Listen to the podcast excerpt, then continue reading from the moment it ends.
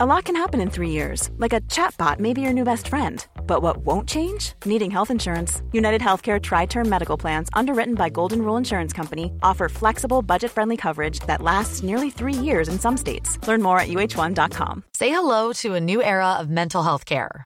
Cerebral is here to help you achieve your mental wellness goals with professional therapy and medication management support. 100% online. You'll experience the all new Cerebral Way, an innovative approach to mental wellness designed around you. You'll get a personalized treatment plan from a therapist, prescriber, or both in a safe and judgment free space.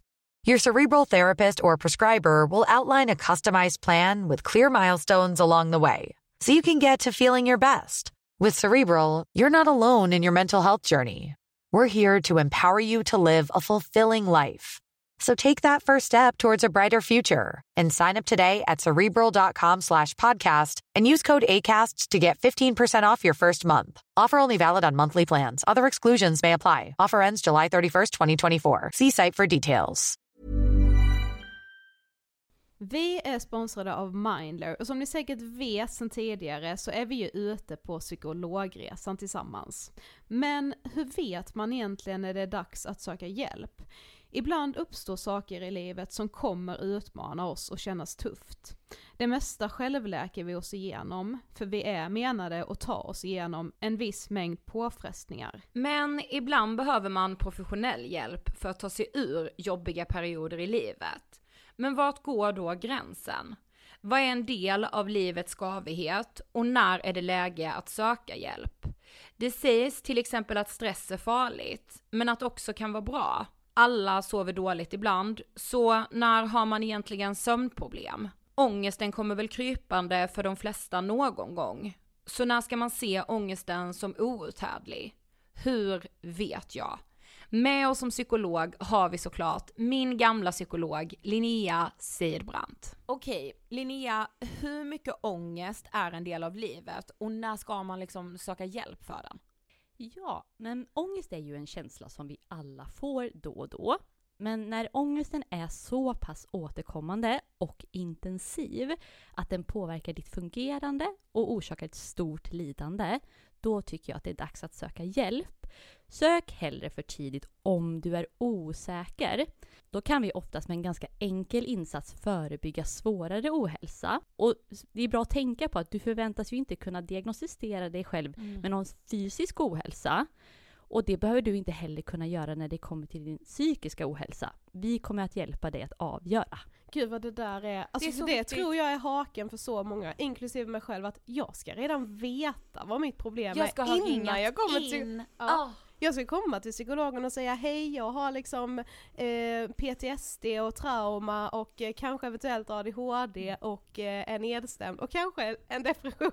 Alltså. Ja, precis. Och vi, jag menar, vi har ju pluggat i fem år, vi psykologer, just för att kunna göra bra och grundliga bedömningar. Ja. Så lämna det till oss. Ja, gud vad, alltså varför? Ja, det är jätteintressant. Ja, verkligen. Ladda ner Mindler till din telefon och läs mer på mindler.se.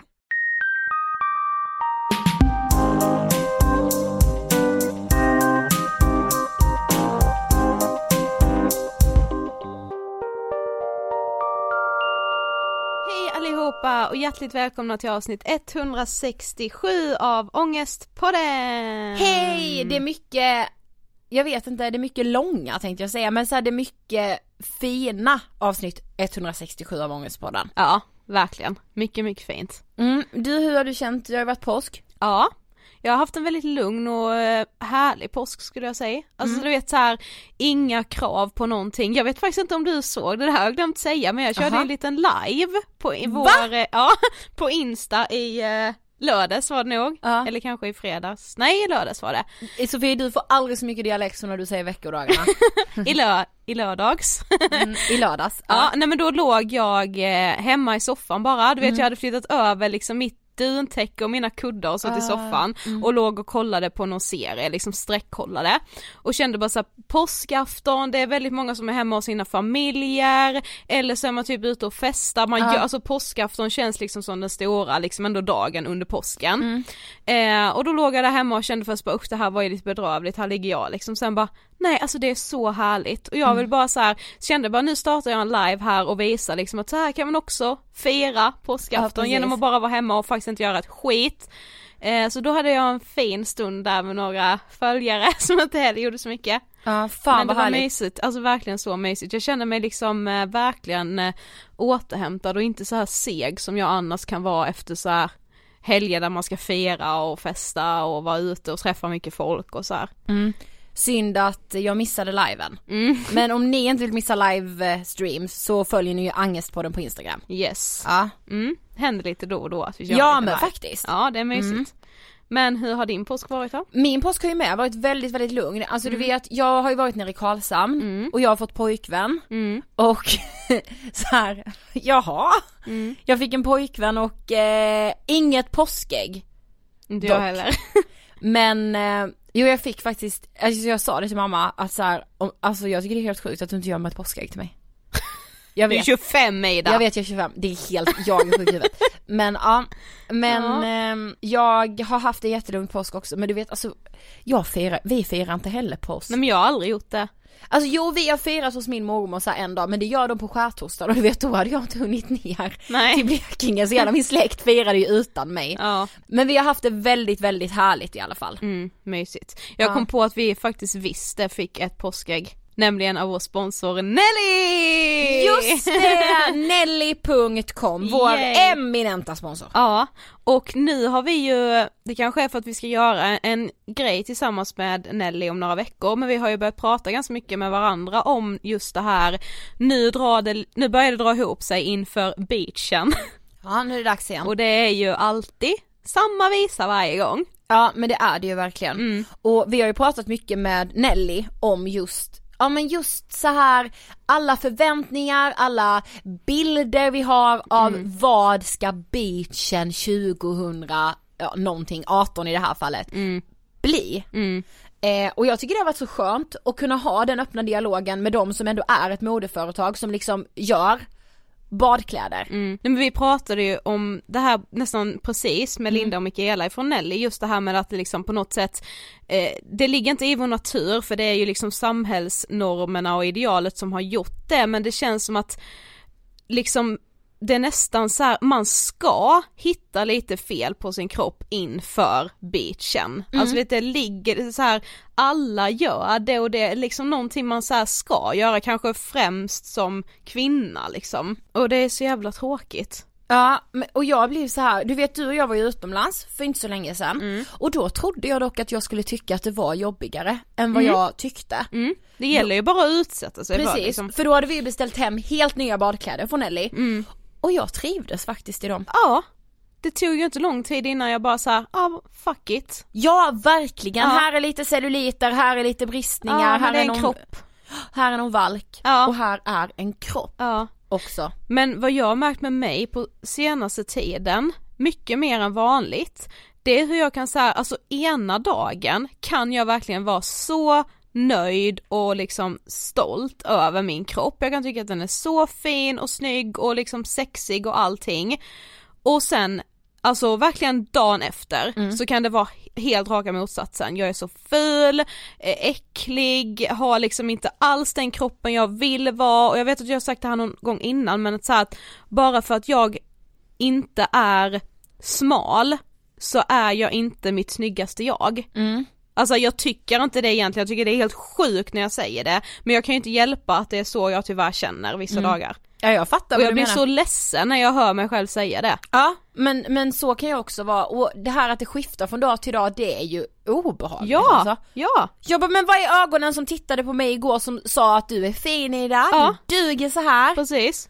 Fast de dagarna när jag inte känner så tänker jag ju snarare bara hur fan kunde jag tycka att den här kroppen var snygg?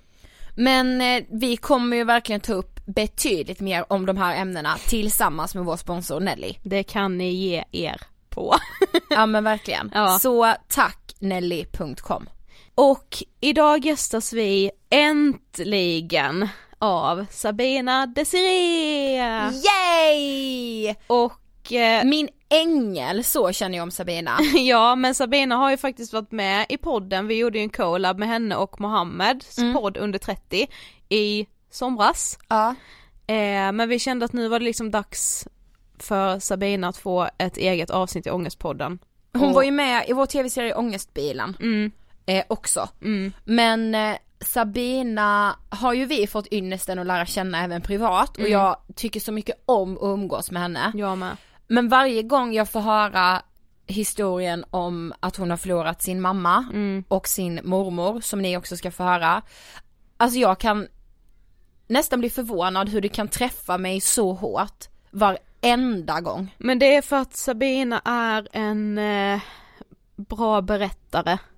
Mm. Även ifall det är en väldigt tung historia så är hon en väldigt bra eh, berättare och, och hon sätter liksom, hon, ja men hon, eh, Jo men hon samtidigt, använder rätt ord. jo men samtidigt med det sagt, alltså att hon är en bra berättare, inte med det sagt att hon liksom förstorar bilden Nej. eller någonting alltså sådär. Nej.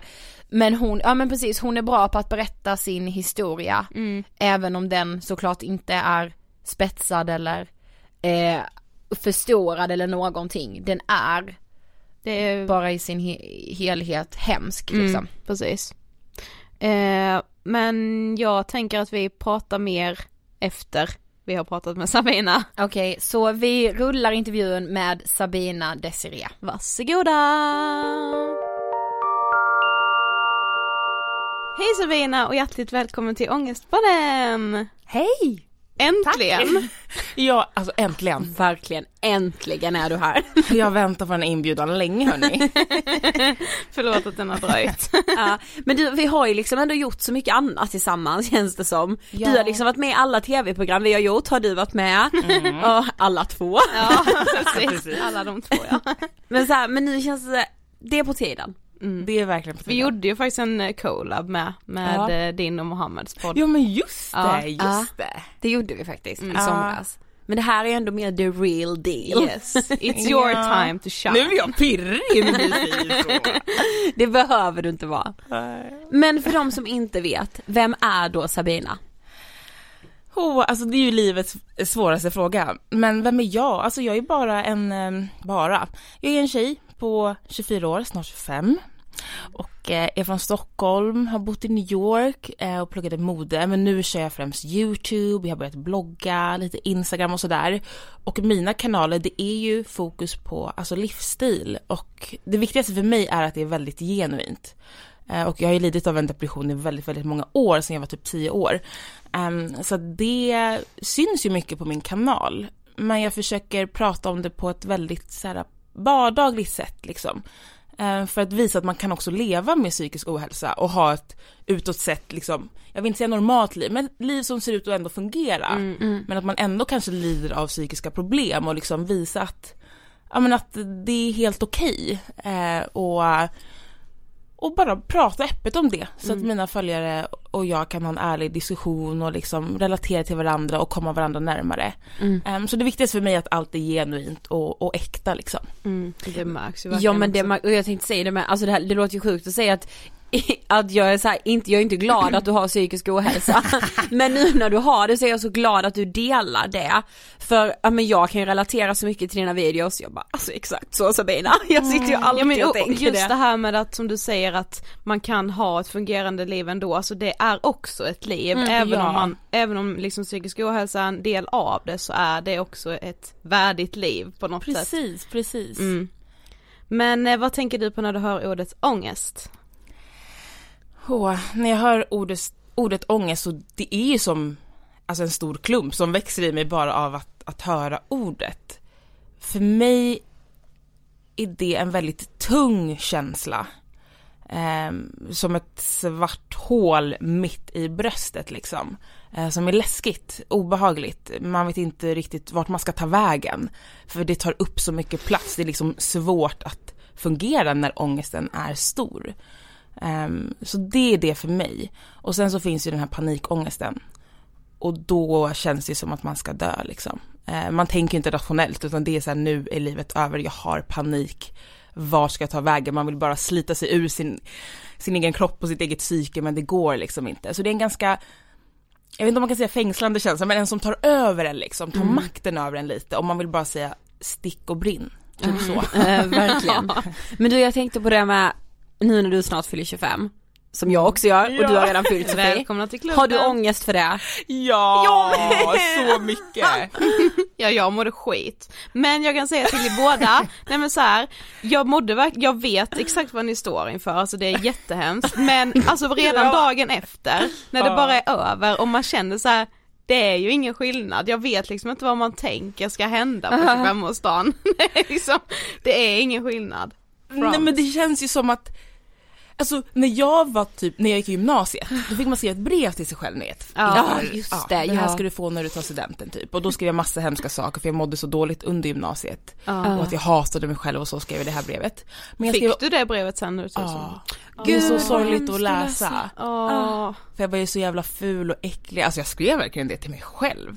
Man bara Usch, härligt. Gud, vad Fan vad hemskt. hjärtskärande. Jag blir så ledsen. Ja. Ja, men jag skrev en annan grej som jag faktiskt garvar åt nu i efterhand. Mm, Och det var såhär, när jag är 25 år så vill jag bo i The Hamptons, alltså utanför New York. Och vara gift och ha barn. Oj! Jag bara, ja då har jag några månader på mig att gifta mig, skaffa barn och flytta, alltså så. Att jag trodde att jag skulle ha det när jag är 25. Jag vet, men så var jag också. Hallå, Ja. det kanske dröjer 10 år liksom tills Ja, jag är precis. där. Ja. Men det är ju för att man så här hela tiden man liksom tänjer på den där gränsen, Jag vad man vet. tycker är gammalt och ungt. Men det var ju därför jag Ja. också mådde skit, för att jag tänkte med så här, så tillbaka på hur jag har tänkt att jag ska vara när jag är 25 Ja, gud, och var hemskt. jag ska vara i livet och bara så här, jag är inte där överhuvudtaget. Men man bara, nej fast hade jag vetat vad jag skulle vara när jag är 25 för 10, 10 år sedan typ, då hade jag nog varit rätt stolt och glad över det också. Ja. Det är Men- det man hade. Ja, ja, man får inte glömma bort det. nej. Ja. Det är ju bara normer om, alltså så, som Exakt. stressar oss. Vi har ju fantastiska liv att få göra underbara grejer men ändå så har jag den här, ja, ångesten inför Precis. den dagen liksom. Ja, ja, ja, gud ja. ja. Nu var det verkligen ett sidospår, men jag blev bara så här, jag måste fråga för jag har sån ångest inför det. Men grejen var när vi satte oss Sabina och skulle göra den här intervjun, vi bara vill fråga tusen saker. Det finns liksom så mycket med dig som du har delat som är så himla viktigt att dela, känns det som. Eh, men vi kände så här, vi måste liksom börja från början i din barndom. Ja. För du växte ju upp utan en pappa. Precis. Alltså hur, hur är det, eller så här, hur var det för dig? Jag tror att som barn, man är ju väldigt anpassningsbar. Och jag visste ju inget annat. Eh, min pappa är, är från Kenya och min mamma från Sverige. Eh, och han var här och jobbade typ. Och så gifte de sig och fick mig. Eh, men han lämnade när jag var bara något år gammal. Eh, och vad jag förstått så var han alltså våldsam mot min mamma och han var även kriminell, höll på med droger, sälja droger och sådär. Ehm, och ehm, ja, de skilde sig och han blev då utvisad just för att han var kriminell. Ehm, och jag visste ju inget annat. Alltså när jag växte upp, min mamma var ju mitt allt. Min bästa vän, min mamma, hela min familj. Så att jag tror helt ärligt att jag aldrig saknade honom. Ehm, eller saknade en pappa. För som sagt, jag visste inget annat. Eh, och min mamma gav mig all kärlek ett barn kan behöva. Eh, men det är just när hon försvann som det blev så tomt. Eh, och sen så tror jag kanske just att jag saknade en man i mitt liv som jag så kunde ha en nära relation till eller, eller en trygg punkt just för att min mamma ändå, eller hon var min trygga punkt men jag fick också vara hennes mamma ibland för att hon, hon led själv av psykiska problem. Ehm, så jag vet inte men nu när jag är äldre så tänker jag så det kanske har satt sina spår att inte ha en pappa. Ja, för jag har väldigt svårt att bygga nära relationer med män och lita på män och, och sådär. Även om jag vet att alla inte är som han. Jag vet ju det rationellt i mitt huvud. Självklart finns det fantastiska män. Eh, och så. Men inom mig så är det någon spärr som gör att jag har väldigt, väldigt svårt att komma nära eh, män och lita på dem och känna mig älskad för den jag är av män. Eh, för att jag har bara haft massa kvinnor i mitt liv som jag har haft väldigt trygga och nära relationer med. Ehm, så det är svårt, men som barn så tänkte jag att min mamma var mitt allt och, och det, det var så himla fint. Men nu efterhand så, så kanske en pappa hade varit bra också liksom. Men har du så här, ni har aldrig haft någon kontakt, har du funderat på att liksom söka upp honom eller så här? Vi har ju haft, faktiskt haft lite kontakt. Ja. Under min uppväxt så kunde han ringa till min mamma från Kenya då.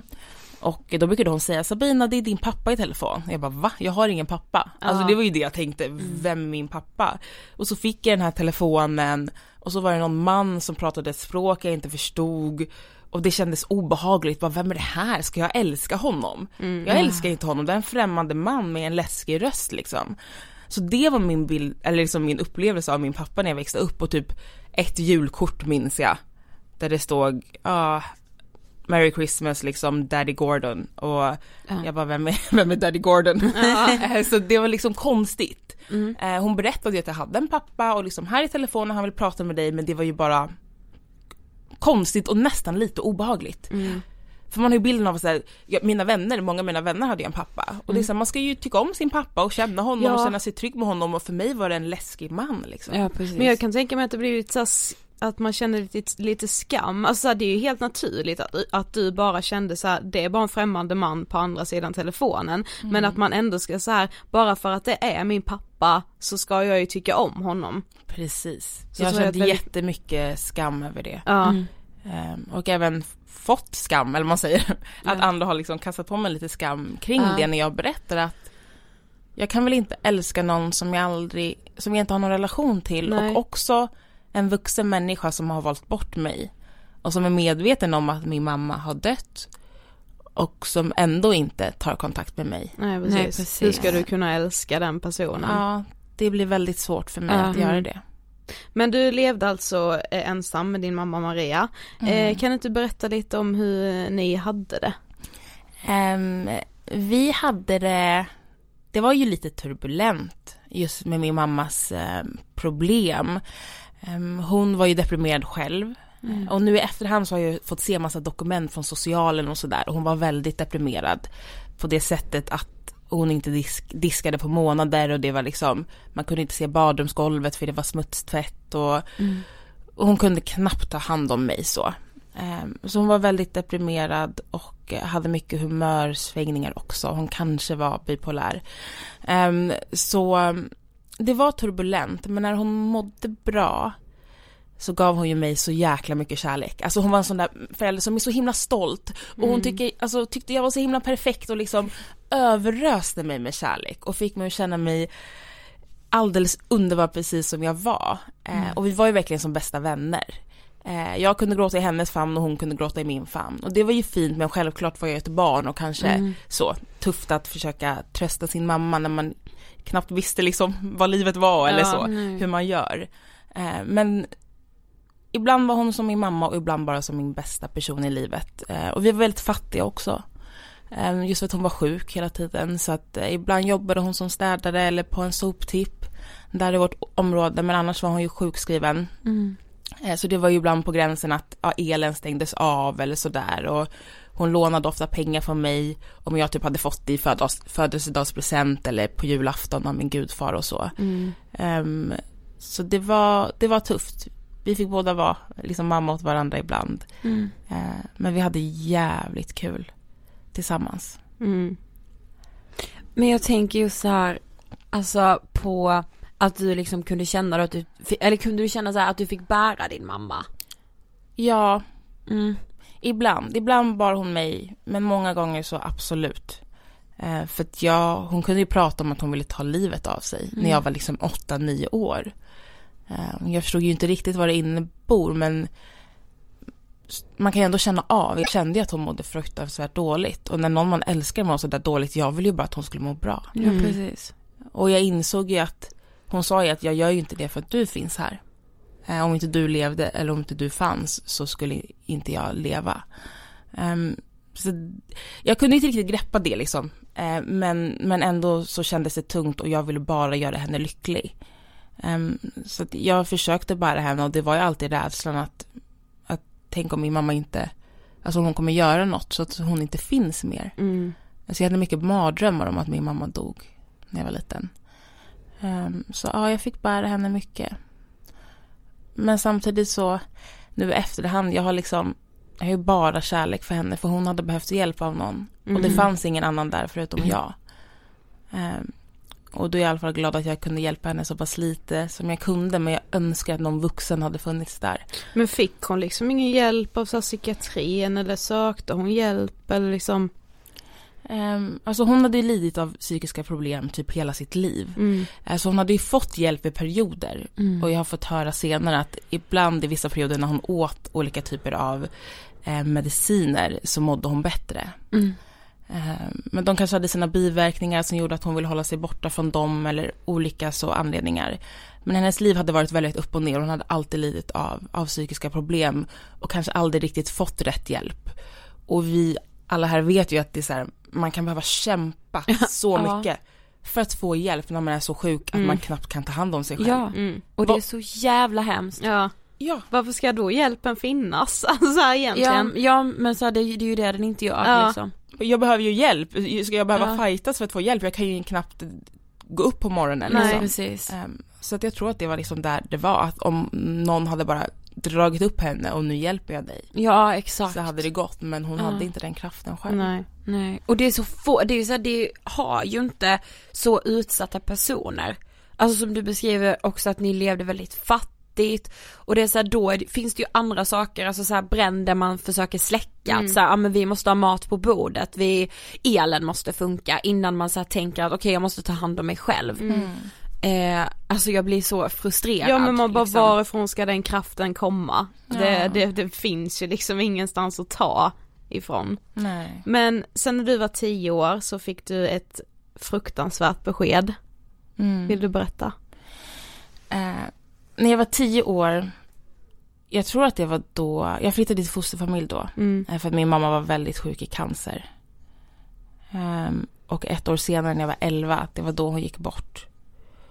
Eh, och när jag flyttade i fosterfamilj så sa hon ju att, eller det var som att jag skulle komma hem igen. Mm. Jag förstod aldrig att hon skulle dö.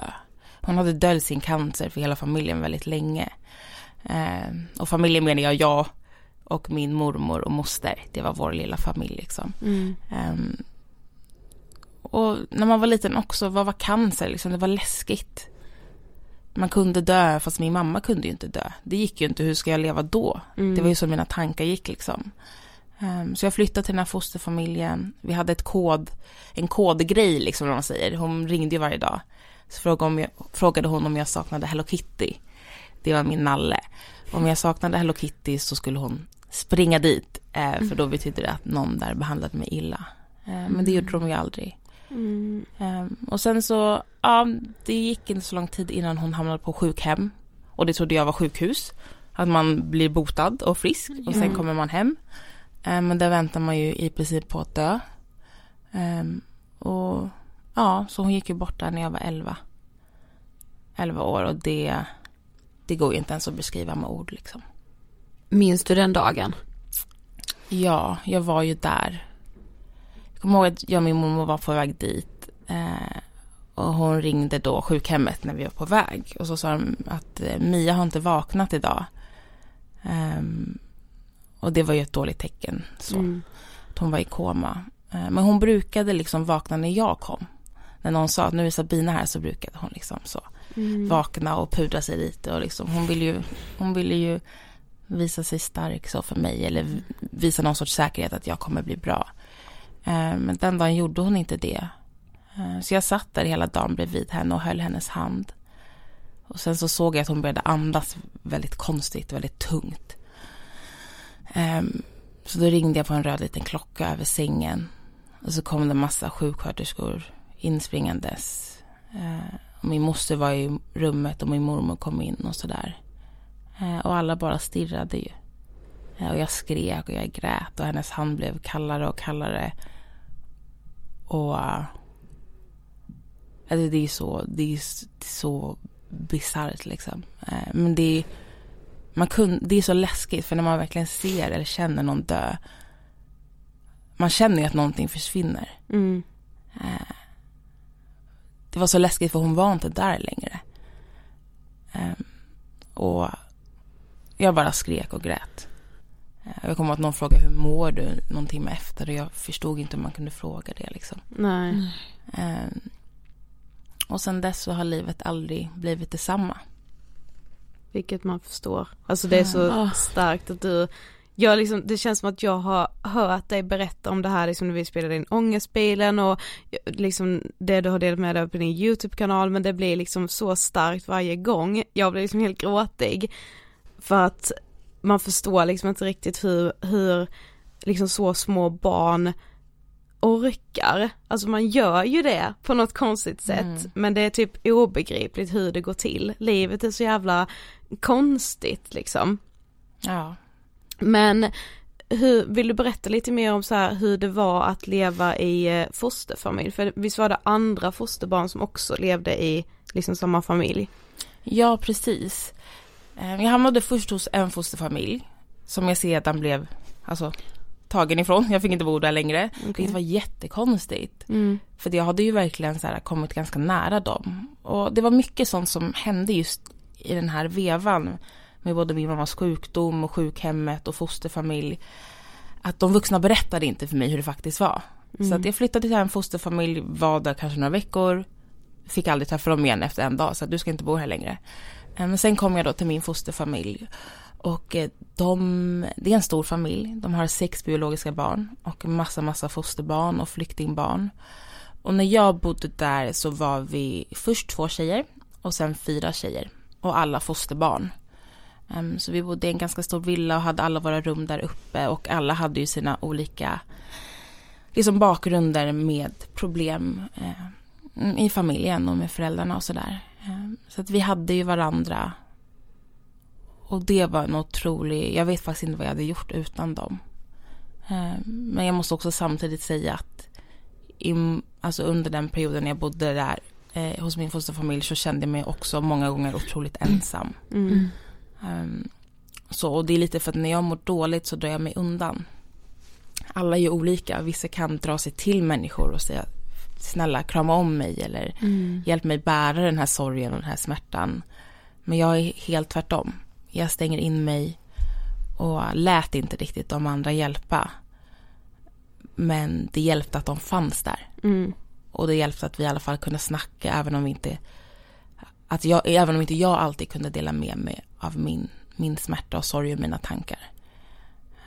Så det, men det var mycket kaos och drama också. Ja, ja, men, jag, men jag tänker ändå så här, alltså nu i efterhand, det är ju såklart individuellt för alla, men jag tänker så här att det är väl en sån, den här anledningen till varför ingen vuxen berättade någonting för dig, du blev tagen från den här fosterfamiljen och att ingen berättade vad det faktiskt innebar när din mamma hamnade på det här sjukhemmet, att så här, det är ju för att vuxna skyddar barn från liksom allt som är jobbigt och så mycket man kan skydda barn så gör man det. Men tror du att du liksom hade du uppskattat ifall du ändå hade liksom blivit informerad ändå på ett sätt så att barn förstår. Såklart man kan inte prata med ett barn som man pratar med en vuxen men på något sätt tror inte jag att det är bra att skydda barn från liksom sorg och smärta på det sättet som man liksom Nej, gör som, många ja, gånger precis, idag. Som är man- liksom normen idag. Ja man tar ska- inte med barn på begravningar och man försöker Nej. att inte säga när vuxna blir sjuka i ens omgivning att ja men det kommer bli bra, det kommer bli Precis. bra bara så här. Eh, ja, jag tror att, alltså, att man skulle pratat med mig och att man ska prata med många barn. Hey, I'm Ryan Reynolds. Recently, I asked Mint Mobile's legal team if big wireless companies are allowed to raise prices due to inflation. They said yes. And then when I asked if raising prices technically violates those onerous two year contracts, they said, What the f are you talking about, you insane Hollywood ass? F- So to recap, we're cutting the price of Mint Unlimited from $30 a month to just $15 a month. Give it a try at mintmobile.com slash switch. $45 upfront for three months plus taxes and fees. Promo rate for new customers for limited time. Unlimited more than 40 gigabytes per month. Slows. Full terms at mintmobile.com. Normally, being a little extra can be a bit much, but when it comes to healthcare, it pays to be extra. And United Healthcare makes it easy with Health Protector Guard fixed indemnity insurance plans. Underwritten by Golden Rule Insurance Company, they supplement your primary plan, helping you manage out of pocket costs without the usual requirements and restrictions like deductibles and enrollment periods. So when it comes to covering your medical bills, you can feel good about being a little extra. Visit uh1.com to find the Health Protector Guard plan for you. Såklart det är olika fall och sådär, men 100 procent för att absolut, man behöver inte prata med barn om allt fruktansvärt som händer i världen eller hos andra.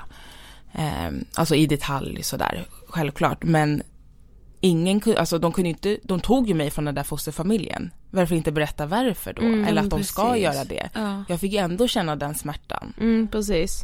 Och med min mamma, om alla vuxna hade vetat under alla de där veckorna när hon låg på sjukhemmet att hon skulle dö, så kunde ju de kanske förbereda sig Ja. psykiskt och, och så. Men för mig var det en total chock. Ja. Ingen kunde skydda mig från att min mamma till slut skulle dö. Så att inte berätta det för mig är helt bisarrt. Vad ska det ha för med syfte? Det är det jag menar, man, du, alltså barnen går ju ändå igenom smärtan men det blir en sån Ja. chock för att alla runt omkring har hela tiden sagt att det löser sig liksom. Mm, precis, och liksom att det, det är ju den inställningen på något sätt. Ja. Ja, men, men så här under tiden liksom när du liksom bodde i den här fosterfam eller säger man fosterhemmet, fosterfamiljen? Ja, fosterfamilj brukar jag Ja, säga. Ja. ja. Alltså kunde du liksom förstå att din mamma inte fanns mer? För det känns liksom så svårt att så här, kunna ta in när man är så, alltså det är ju svårt att ta in vilken ålder man än är men som så liten liksom. Nej, jag kunde inte förstå. Nej. Alltså jag hade så mycket konstiga tankar. Och jag tror att många kanske har det, men man kanske inte pratar så öppet om det. Eller så är det bara jag, jag vet inte. Men jag hade väldigt mycket konstiga tankar. Alltså jag trodde att det här var något test. Att det var någon som testade mig och skulle Mm. se hur jag skulle reagera om min mamma dog. Eller att hon faktiskt levde. Att det var, alltså det var någon sorts liksom, det var inte på riktigt. Alltså jag ville hitta på vad som helst. Bara att hon inte skulle vara död. Allt annat hade varit okej liksom. Så att jag brukade ju se henne eller få för mig att jag såg henne på stan. Ibland så att jag sprang ikapp människor och liksom kollade om det var hon. Ehm, så att så var det en ganska lång period, men det berättade jag inte för någon. Ehm, och jag vet knappt ibland om jag idag förstår. Jag har ju lärt mig att leva utan henne, för det gör man ju ganska snabbt. Man är ju så illa tvungen. Mm. Men när jag verkligen tillåter mig att tänka på att så här, min mamma finns inte mer. Den tanken är så svår att greppa. Att jag tror det är någon sorts överlevnadsinstinkt Ja. att liksom inte gå in i det för då går jag sönder. Alltså, Mm. då, fin- då finns inte jag mer. Då, då gör det så ont att man bara så. så att, men som barn det var jätte, jättesvårt att greppa för att hon var ju hela min värld. Mm. Och när det försvinner, alltså vad finns kvar? Jag fick ju bara hitta på att hon är någonstans. Mm. Eh, Men du var väl också väldigt nära din mormor? Ja. Var hon liksom ett sätt för dig att hantera den här sorgen? Ja, alltså utan min mormor så då vet jag inte vad jag hade tagit vägen. För att vi delade ju båda också den här enorma sorgen. Mm. Eh, Hon hade ju förlorat sitt barn liksom och de hade en väldigt, väldigt svår relation. Eh, De älskade varandra mycket men det var otroligt mycket bråk på en nivå som jag inte kan, an- kan beskriva. De hade en väldigt, eh, väldigt tuff relation men vi båda bar ju på den här sorgen och eh, hon, hon blev på något sätt hela min, alltså hela min trygghet och mitt stöd. Eh, Så vi kunde gråta tillsammans och bara finnas där. Vi kanske inte pratade så mycket men vi visste att vi båda liksom var i samma båt på något sätt. Mm. Eh, Och vi hade också väldigt, väldigt roligt tillsammans. Och när du var 15 år så förlorade du din mormor. Ja. Alltså det, för så menar du, det gör så ont i mig att du har gått igenom det så jag blir så här. Ja, det var... Alltså det var så... Att min mamma dog var också så otroligt svårt att ens greppa och acceptera. Men när min mormor dog, då, alltså då kände jag bara... Nu dör jag alltså på riktigt. Mm. Det här... Alltså livet är ju orättvis och det är så många människor som går igenom så mycket fruktansvärt. Men det är som att när det värsta man har kunnat liksom tänka händer och så händer det igen. Alltså jag hade inte ens kunnat tänka att min mormor skulle dö. Alltså det var så orättvist. Tänkte jag liksom i min, i min hjärna som barn. Så att, och, och när hon dog så var det också, det var ju bara henne jag ville ringa. När min mamma dog så fanns ju min mormor där men det var bara, jag, jag visste inte vad jag skulle göra.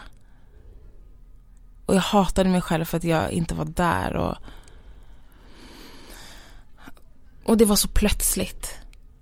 Det var så som en liksom blixt som bara träffade en och så skulle man försöka leva vidare på något sätt. Mm. Och sen dess så är jag nog väldigt, det är väldigt svårt för mig att vara nära människor. Eh, att låta folk komma nära, att liksom luta mig mot dem. För det känns som att om de försvinner så faller jag. Mm. Och det var lite så, för jag lutade mig mot min mormor. Hon var liksom mitt, mitt stöd när allt kändes piss. Hon är den enda i livet som jag har liksom ringt när jag är ledsen och gråtit så. Eller som har fått hålla om mig när jag är ledsen. Det är liksom ingen annan som har gjort det. Ehm, Jag tillät, tillät henne att vara mitt stöd. 100 procent. Och sen försvann hon och då bara kraschade jag. Så att nu har jag liksom försökt bygga upp. Alltså att jag ska vara mitt eget stöd. Och det, man behöver ju andra människor liksom. Mm. Det behöver man. Du har ju levt med depressioner eh, under väldigt många år. Alltså hur är det liksom att ständigt leva med det? det blir liksom en del av en själv och jag tror att det är det som är så läskigt. Eller jag upplever att det blir en del av mig själv för att det har pågått så länge. För mig är en depression som att, att det är solsken fast att man har ett mörkt moln precis över en liksom. Jag kan ju se vackra saker i livet. Och jag att jag vill också känna sådär. Jag vill bli glad över saker som händer och jag vill, vill känna den här glädjen jag kan se den, att den finns. Jag går inte och tänker negativt om hela världen. Jag ser att den finns men jag känner inte den. Mitt mående är liksom alltid här nere på botten på något sätt. Eh, fast jag har vant mig vid det. Ehm, och börjat tro att jag är en sån person. Jag är en ganska deppig person. Tråkig liksom. Ehm, Nej, vill jag bara säga. Men det är lite så som man känner. Sen har jag haft- alltid liksom kanske haft försökt bygga någon fasad eller liksom just trycka undan den sorgen och smärtan. Och, och då kunnat må bra men då bubblar den upp på kvällen kanske och man får någon sån där panikattack eller att man gri- gråter så att man skriker. Ehm, men, men man kan ju, eller jag har ju kunnat leva med min depression och utåt sett sköta mig. Men jag har insett att man kan inte gå med den för länge för då, då är det som att den krossar den eller liksom drar livet ur en långsamt. Eh, Man måste bearbeta det som är grunden till depressionen tror jag. Mm. Så viktigt. Ja, alltså verkligen. Mm. Men har du gått i terapi och så här, hur har liksom din kontakt med vården sett ut? Ehm, ja, jag fick ju en BUP-tid efter min mormors bortgång. Ehm, och det gick jag till BUP.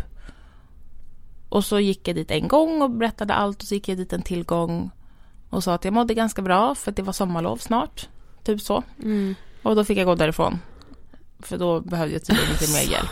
Ehm, så det var liksom min första erfarenhet med vården och så, Ja. ja. psykiatrin. Ehm, och, sen, och då gick jag inte någonstans på flera, flera år. Ehm, men sen har jag testat lite olika. Jag har gått hos en skol, ehm, kurator när jag gick i gymnasiet, men det var bara lite ibland. Ehm, och sen när jag bodde i New York och gick på college så var jag hos en psykolog där. Och även hos en sån här sorg, sorggrupp eller man säger. Med folk som hade förlorat sina föräldrar. Mm. Ehm, men alltid väldigt så sporadiskt. Eh, men nu så går jag till en psykiatriker och äter antidepressiv medicin sen typ 8-9 månader tillbaks. Och är även med nu i ett program som har lite fokus på, eller som kommer komma i höst eh, med lite fokus på psykologi och psykisk ohälsa och där får jag också hjälp. Mhm. Så att just nu får jag hjälp både med samtal och med medicin. Men fan vad svårt det är alltså. Det tar tid. Nej men det gör det. Och dels så här, ja men hitta någon då om- till exempel så här om man tänker terapi, hitta någon man trivs med, hitta en terapiform som funkar. Medicin, alltså det är en Ja, sån hitta en medicin som djungel. funkar. Alltså jag är så, ja. Ja. Nej det är ju det är fruktansvärt att när man mår så dåligt så ska man också ha orken att kämpa för det här och just medicin det är ju heller ingen, det är inga lyckopiller liksom. Nej. Eh, Jag har aldrig mått så dåligt nästan som när jag började med medicin. Inte jag heller alltså. Och det är, det är väldigt läskigt. Ja. Alltså det var på den nivån att jag kände, tänk om jag gör något dumt nu Ja. för att jag mår så dåligt. Mm. Ehm, så att, jag, jag vet inte, det känns ju fruktansvärt. Man vill ju verkligen försöka bidra till någon förändring och det är verkligen det ni gör och det tycker jag är så himla Du fint. med, Ja, herregud. Ja, fast hörni. Nej, fast ja. Inte på er nivå, men Jo. eh, Jo, men jag bara hörni, tillsammans. ja, tillsammans. jag tänkte på det här eh, gruppen som du gick i då när du bodde i New York Ja. med liksom andra, hur var det att liksom träffa andra som hade varit med om liksom samma sak? Eh, det var faktiskt väldigt, väldigt bra. Mm. Och jag trodde kanske inte det då, att det gjorde så mycket. Men i den gruppen så kunde jag verkligen bli väldigt sårbar och öppen. Mm. Eh, för jag grät på ett sätt som jag ja, men bara kanske har gråtit framför min mormor eller när min mamma dog. Eh, vi kunde komma så nära varandra för att vi hade alla någonting gemensamt.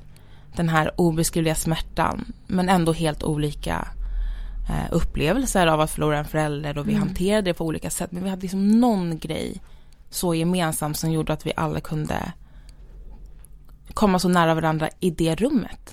Inte utanför det rummet, men det var okej. Att bara ha den trygga platsen. Mm. Och här skalar vi av allting. Och här, här känner vi en gemenskap som är så otroligt viktig för att vi ska kunna bearbeta det här. Eh, och sen, läm- alltså, sen var det inte utanför rummet, men det var okej. Så det, nu i efterhand har jag insett att, eh, eftersom jag har testat nu andra grejer, så har jag insett att ingen har faktiskt kommit mig så nära in på som de människorna i den gruppen. Nej jag kan, alltså jag kan förstå det. Med. För man möts ju liksom i det fruktansvärda som alla ändå har gemensamt. Ja. Det var, det var väldigt, väldigt eh, fint att få uppleva det. Det är inte så att jag tror att jag behöver det igen. Men att, att få göra det, och jag tror att har man möjlighet att möta människor som, som lider av liknande saker eller har varit med om liknande saker. eh, Att det kan, alltså man, man känner sig mindre ensam Mm. Ja, precis. eh, i det och eh, ja, det var väldigt, väldigt eh, givande faktiskt. Mm. Men nu, alltså så här, när du har, hur länge hade du ätit antidepp nu? Jag skulle säga 8-9 månader. Ja, men tycker du så här att, ja men det här har ändå hjälpt i liksom kombination då med den här psykiatrikern och sådär? Eh, ja, vill jag säga. Ja. Eh, första månaden mådde jag fruktansvärt. Alltså jag, jag kunde, och det var mitt på sommaren liksom. Eh, jag kunde inte leva typ. Ehm, det var hemskt och jag kände mig rädd. Jag sa verkligen till folk i min omgivning att ha koll på mig för att det var så läskigt att må så dåligt att man inte litar på sig själv. Ja. Ehm, Men sen blev det bättre och sen hade jag några ganska bra månader. Och då är jag så här, wow, är det så här det är att må liksom bra? Inte bra som är så här jättebra, superlycklig, men att må bra. Att orka gå upp, att orka borsta tänderna, duscha, göra sitt jobb, gråta ibland, skratta ibland. Är det här, är det så här folk mår? Det var liksom, det var så wow för mig att jag bara, alltså det är ju mycket lättare att leva nu, liksom allt är inte så fruktansvärt svårt. Men sen långsamt så gick det neråt. Ehm, och sen märkte jag att jag hamnade där igen i att, ehm, att måendet var liksom nästan på botten igen. Så. Och det var läskigt och då, då har jag då börjat ta ny medicin. Eh, och det har också varit väldigt tufft i början.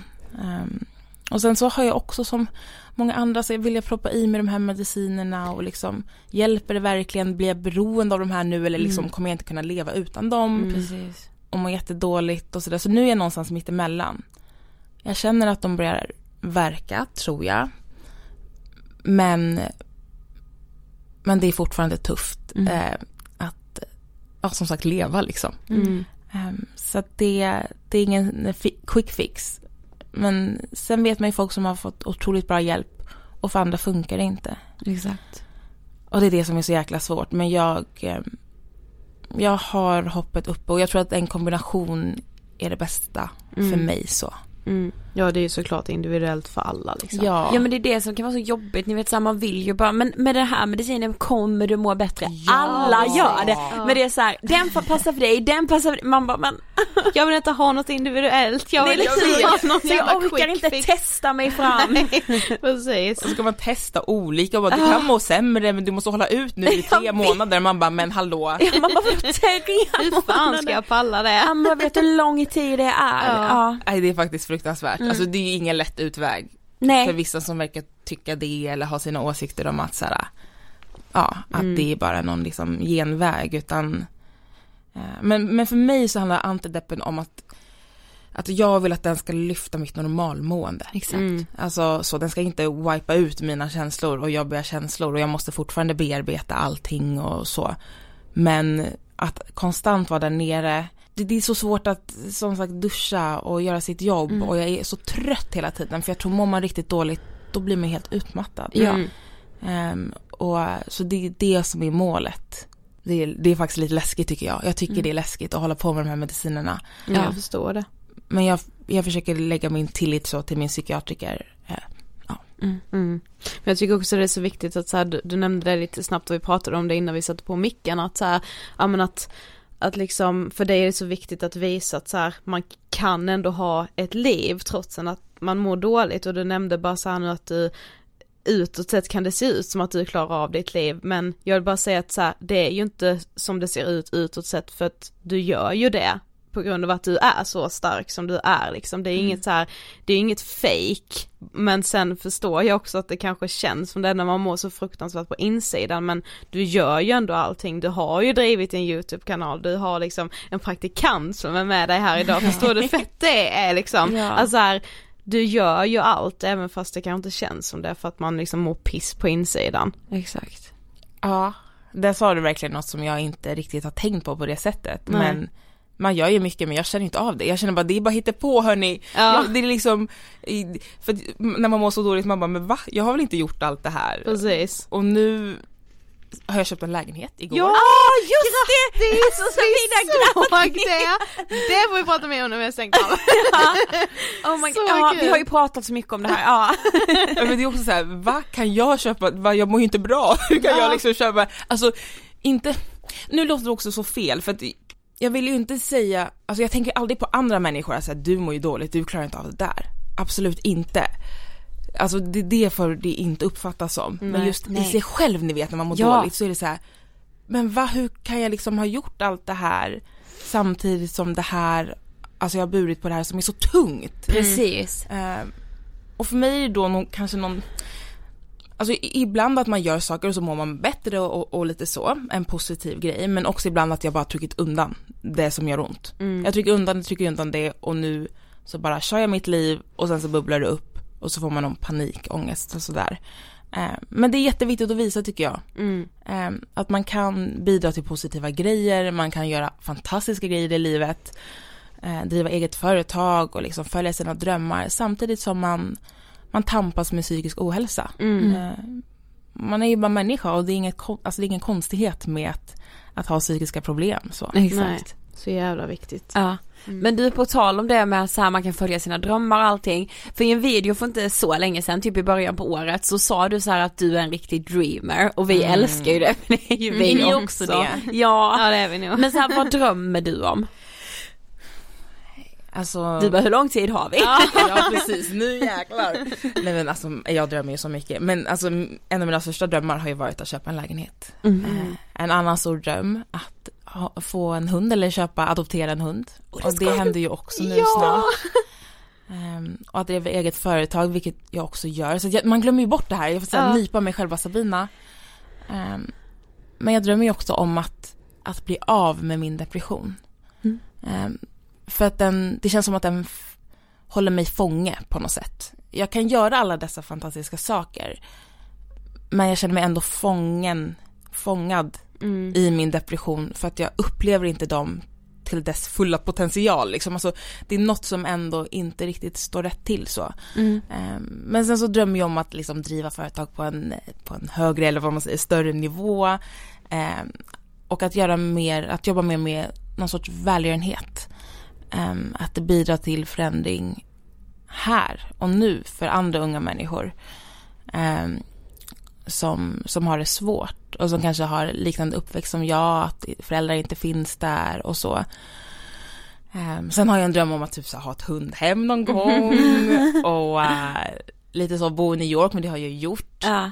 Ehm, så det är väl allt jag har nu, men så här, till nästa nivå. Jag vill ha fler hundar, större lägenhet, större företag, Bara växla upp nu.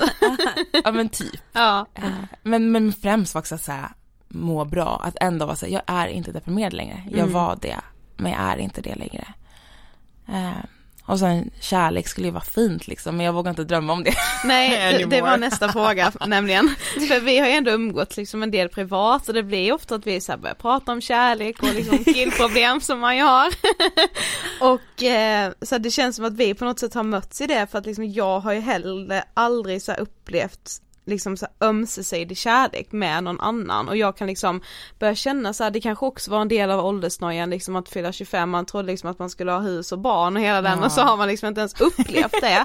Nej men så här, att jag kan gå runt med, alltså absolut inte varje dag, men ibland bara slår det mig någon så här extrem rädsla i att, inte så att ingen kommer någonsin tycka om mig utan med den här rädslan är att så här, jag kommer aldrig känna den här ömsesidiga kärleken, alltså att jag kommer bara vara en sån person som inte får uppleva det på något sätt.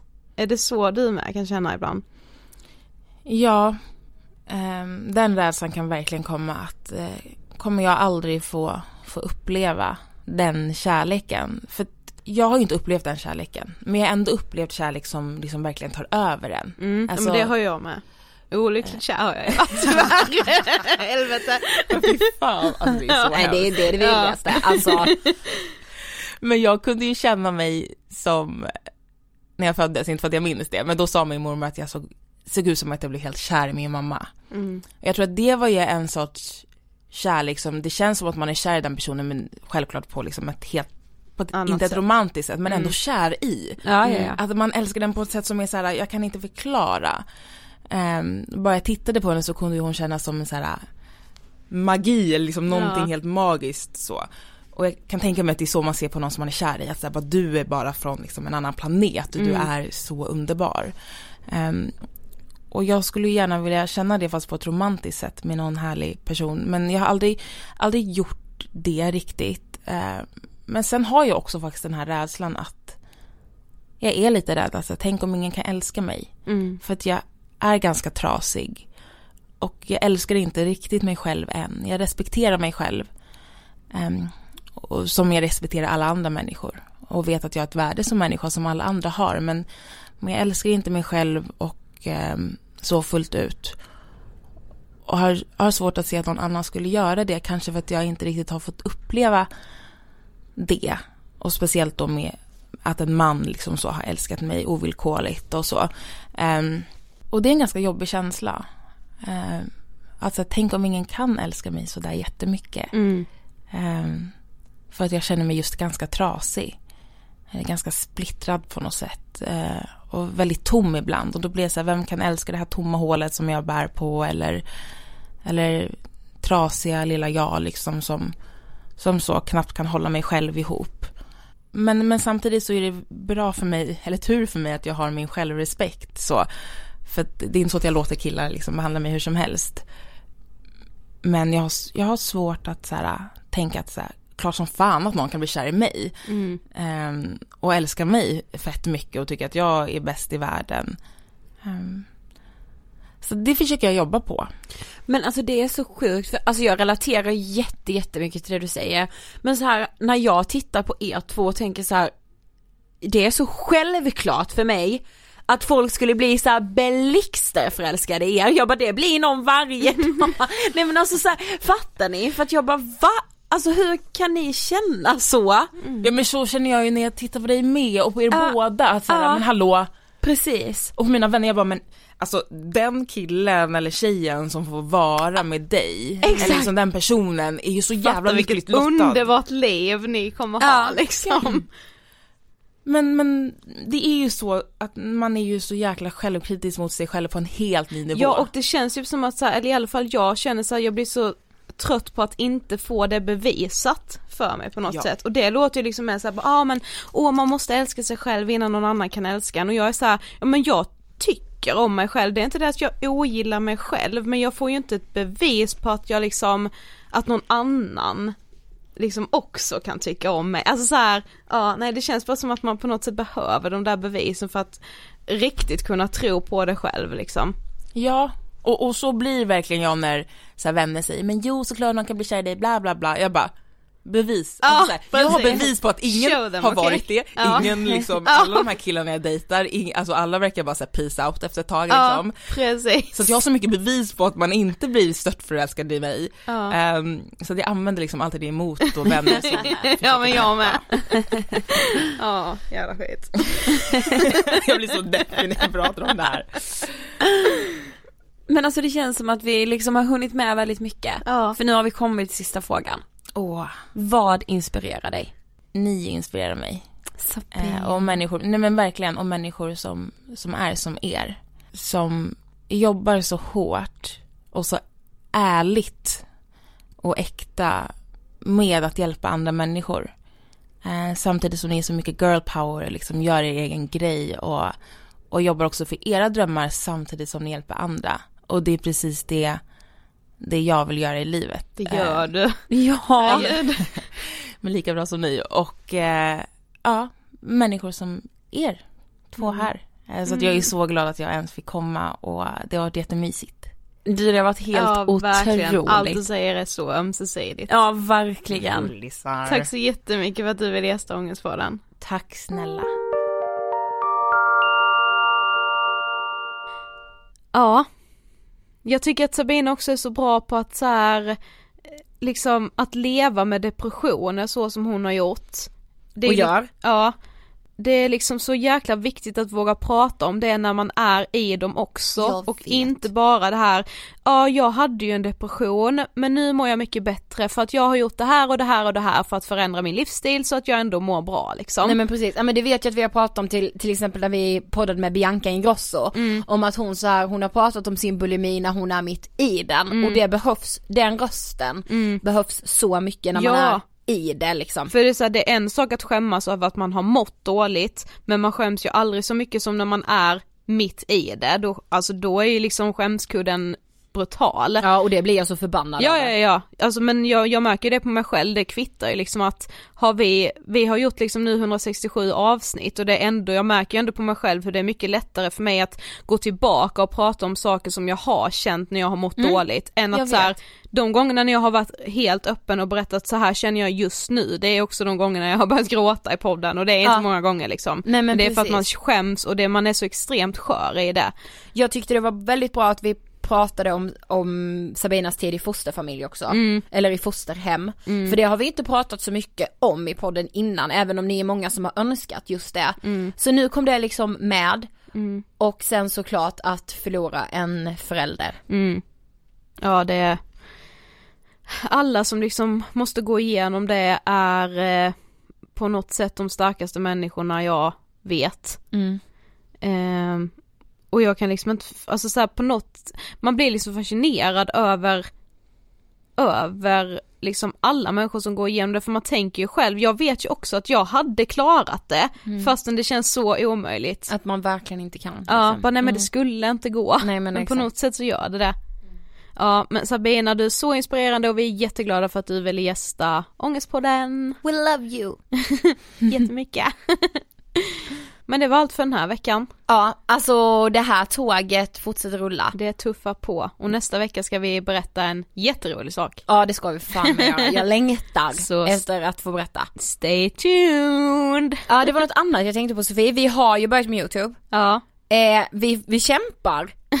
Ja. Det måste man ändå säga. Ida och Sofie heter kanalen. Så snälla in och prenumerera. Yes. Och sätt på den här jäkla klockan eller vad det är, ser ut som en äggkokare. Nej men så att man får notis när vi har lagt upp något nytt. Precis. Mm. Vi har världens bästa klippare Sigrid också. Ja, tack Sigrid för att du finns. Ja verkligen och tack för att ni finns och att ni lyssnar på oss. Och följ oss såklart som vi sa i början på eh, Instagram, där heter vi Angespodden, jag heter Sofie Hallberg. Och jag heter Ida Hockerstrand. Ha det bäst så hörs vi som vanligt nästa vecka. Längtar redan. Yes. Puss puss! Hej då! Hej då!